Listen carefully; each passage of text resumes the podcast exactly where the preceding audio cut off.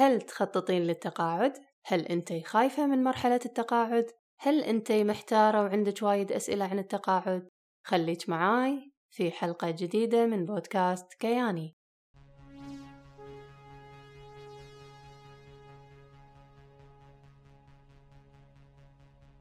بودكاست كياني للمرأة المتقاعدة أو المقبلة على التقاعد أهلا بك أنا دلال عبد الرزاق مدو كاتبة ومستشارة متقاعدة من العمل في مجال العلاقات العامة بالقطاع الحكومي.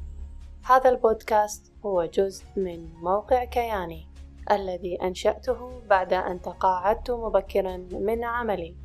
وقد اتخذت هذا القرار لرغبتي في الابتعاد عن الروتين الوظيفي والقيام بتغيير في حياتي وترك بصمة لي في المجتمع عبر مساعدة الآخرين.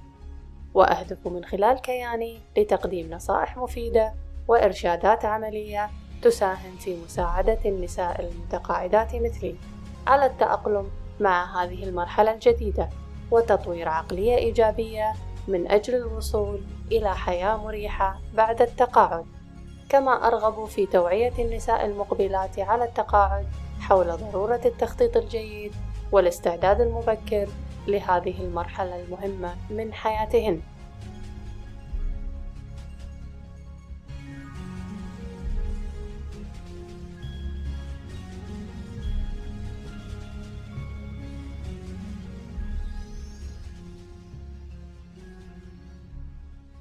حياك الله أختي المتقاعدة أو المقبلة على التقاعد في حلقة جديدة معاي من بودكاست كياني.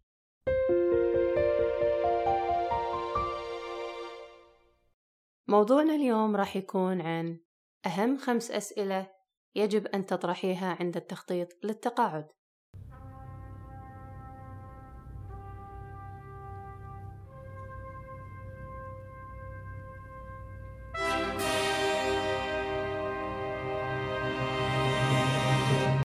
لما تخططين للتقاعد راح يكون عندك الكثير من الأسئلة اللي تدور في عقلك. وتحسين نفسك محتارة وضايعة ومو عارفة من وين تبدين. راح أقدم لك في هذه الحلقة أهم خمس أسئلة لازم تسألينها حق نفسك لما تخططين للتقاعد. السؤال الأول متى أتقاعد؟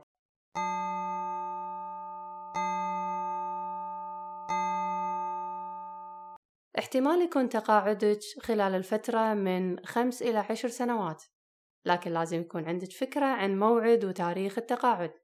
علشان تبدين تحطين الخطط وتستعدين من الحين ولازم يكون التخطيط نوعين تخطيط كمي وتخطيط نوعي النوع الأول التخطيط الكمي في هذا النوع من التخطيط تحتاجين تجاوبين عن مجموعة من الأسئلة مثل هل عندك الحين فلوس كافية حق التقاعد؟ شنو هدفك المالي اللي تبين توصلين له؟ يعني كم المبلغ اللي تبين يكون موجود عندك لما تتقاعدين؟ وكم المبلغ اللي لازم توفرينه شهريا للوصول إلى هدفك؟ وشنو مصاريفك الحالية؟ مثلا رسوم مدارس مصاريف بناء أو تأثيث منزل أقساط قرض وغيرها. وشنو مصاريفك المتوقعة في المستقبل؟ مصاريف رعاية صحية سيارات للأولاد حفلات زواج للبنات مصاريف صيانة أو ترميم المنزل وغيرها. النوع الثاني التخطيط النوعي. في هذا النوع من التخطيط تحتاجين تجاوبين عن مجموعة من الأسئلة مثل شلون تبين يكون شكل تقاعدك؟ شنو الأنشطة اللي تحبين تسوينها؟ شنو الهوايات اللي ودك تمارسينها؟ هل تبين تشتغلين مرة ثانية؟ هل تتمنين إنك تأسسين مشروع؟ فكري في كل هذه الأسئلة وغيرها وعطي نفسك الوقت الكافي لكتابة الإجابات عن كل التساؤلات المطروحة بعدها راح تكونين مستعدة ماليا ونفسيا لهذه المرحلة وبتحسين براحة أكثر وثقة أكبر لما يقرب موعد تقاعدك. ويعتبر التقاعد تكيف عقلي يحتاج تهيئة ذهنية عالية لذا كل ما قل عدد المفاجآت اللي ممكن تواجهك في المستقبل كل ما كان تقاعدك ناجح أكثر. تذكري مو شرط إنه يكون العمر اللي تختارينه لتقاعدك شيء ملزم لك تماما لأن أنت ممكن تحددين عمر خمسين سنة للتقاعد مثلا ولكن مصاريف تعليم الأبناء أو قرض السكن أو بعض الالتزامات المالية الثانية ممكن تكون عائق قدامك وتمنعك من تحقيق هذا الشيء وتجبرك على تأخير سن تقاعدك لفترة أطول. وحتى لو ظهرت في طريقك بعض المعوقات تأكدي أن التخطيط المبكر للتقاعد وعمل الاحتياطات راح يسهل عليك بعض الأشياء صحيح أنك ممكن تستمرين في الشغل لفترة أطول بسبب التزاماتك وتحقيق أهدافك لكن إذا نظرتي للموضوع من ناحية إيجابية فإن الشغل باختيارك أفضل من الشغل وأنتي مجبرة السؤال الثاني كيف ستكون فترة انتقالي إلى التقاعد؟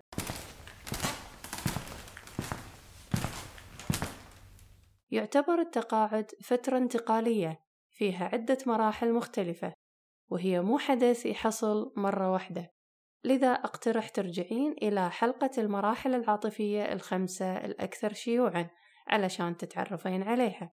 ممكن يكون الانتقال هذا متأثر بدوافع شخصية عندك مثل الملل والرغبة في تغيير نمط الحياة الروتينية أو بسبب ظروف أسرية أو صحية حالية.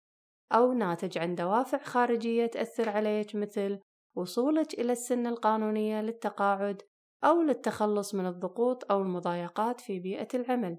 في بعض النساء اللي يرفضون تماما فكرة التقاعد عن العمل ويبون يحافظون على الهوية والمكانة المهنية أو الاجتماعية اللي يوفرها لهم العمل خاصة أن التقاعد راح يستمر طول الحياة. لذا يختلف مسار الانتقال إلى التقاعد من سيدة إلى الثانية.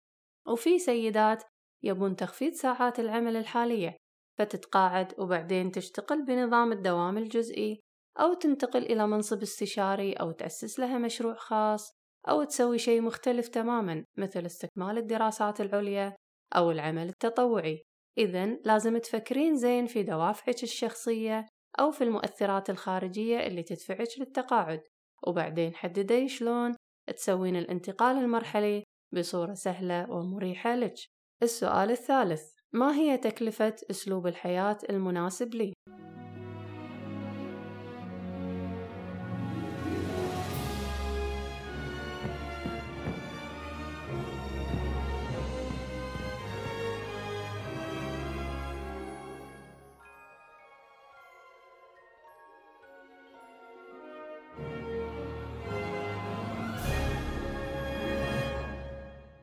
لاحظي أن تكلفة أسلوب حياتك التقاعدي له تأثير كبير على الفلوس اللي تحتاجينها لدعم أسلوب هذه الحياة. ومن الملاحظ أن أغلب الناس ما يحتاجون ترقية كبيرة في أسلوب حياتهم لما يتقاعدون ولكنهم بالتأكيد ما يبون تخفيض مستوى معيشتهم. وانتبهي! إن راح يكون في زيادة في بعض التكاليف أو تبدأ تظهر لك تكاليف جديدة. وهي مصاريف احتمال ما كانت موجودة خلال حياتك العملية مثل تكلفة الإجازات الإضافية والترفيه رسوم عضويات الأندية الدورات التدريبية زواج الأبناء هدايا للأحفاد وغيرها. ولكن من وجهة نظر ثانية في بعض التكاليف راح تقل مثل تكاليف البنزين وصيانة السيارة القهوة الفطور اليومي ملابس العمل وغيرها. من الأمور المفيدة اللي ممكن تساعدك على توقع مصاريفك هي الاطلاع على كشوفات الحسابات المصرفية علشان تعرفين مصاريفك خلال ستة أشهر اللي طافت أو لفترة أكثر. ولاحظي اختلاف تكاليف الشتاء والصيف والأعياد والمناسبات. وبهذه الطريقة راح تكونين قادرة على قياس مقدار المصاريف اللي راح توقف أو اللي راح تقل أو اللي راح تبدأ أو اللي راح تزيد. وهذا الشيء بيعطيك تقدير جيد لأسلوب حياتك في التقاعد السؤال الرابع هل لدي المال الكافي لحياتي؟ هذا هو السؤال الجوهري اللي لازم تطرحينه على نفسك وبمجرد أن تحددين تكلفة نمط حياتك تقدرين تراجعين وضع ثروتك وتحددين إذا كانت مدخراتك المتراكمة كافية علشان تلبي نمط حياتك وتحافظ عليه لما تتقاعدين. تذكري أن الإجابة على هذا السؤال هو حجر الزاوية في التخطيط المالي لتقاعدك. فإذا تم هذا الأمر بشكل صحيح وواقعي يتناسب مع التنبؤ بالتضخم الاقتصادي في المجتمع وعوائد الاستثمار المتوقعة من المدخرات وافتراضات ثانية حسب ظروفك. فإذا حللتي وضعك وقدرتي تعرفين إذا كان عندك اللي يكفيك من الفلوس للتقاعد خلال فترة معينة أو إنك راح تستمرين في العمل فترة إضافية من خلال الاختيار وليس الضرورة. راح تكون نتيجة هذا التحليل واحدة من ثلاث نتائج. النتيجة الأولى ما عندي اللي يكفيني بتخلص الفلوس وما راح تكون كافية في حياتي. النتيجة الثانية حساباتي جيدة ومناسبة لحياتي. النتيجة الثالثة عندي فائض من الفلوس يكفيني ويكفي عيالي بعد وفاتي بعد عمر الطويل السؤال الخامس. كيف أتأكد أن لدي المال الكافي للمستقبل؟ إذا كانت إجاباتك على تحليل تخطيط التقاعد هي إن ما راح يكون عندك فلوس كافية علشان تعيشين نمط حياتك المثالي لما تتقاعدين فأنتي تحتاجين اتخاذ بعض الإجراءات. وهذا هو السبب في أن التخطيط مقدما مهم جدا. ممكن تحتاجين تفكرين في الادخار والاستثمار بصورة أكبر في الحسابات الإدخارية. أو الصناديق الاستثمارية أو تحصلين على إيرادات وأرباح من مشاريع. فإذا ما كنتي عطيتي نفسك الوقت الكافي لبناء ثروتك المخصصة للتقاعد. فمن المرجح أنك راح تضطرين إلى قبول خيار العمل لفترة أطول أو أن تعيشين حياة أقل من صورتك المثالية أو خليط من الاثنين. ممكن تاخذ الإجابة عن هذه الأسئلة الخمسة المهمة للتخطيط لتقاعدك شوية وقت. لذا من الضروري أن تخصصين فترة مناسبة للإجابة عليها. تذكري أن وضع خطة مناسبة لتقاعدك راح تاخذ جهد ووقت وشوية فلوس بس هذا أفضل وايد من حدوث مفاجآت غير متوقعة في المستقبل. وفي ختام هذه الحلقة أشكرك على حسن استماعك وأتمنى أكون قدمت لك معلومة مفيدة ونافعة علما بأن هذه الحلقة متوفرة على صورة مقال. في موقع كياني. يسعدني ويشرفني زيارتك لموقع كياني دوت سي أو. الرابط موجود في الوصف تحت المقطع. حياك الله وأتشرف بزيارتك. بودكاست كياني فكرة وإعداد وتنفيذ دلال عبد الرزاق مدوب.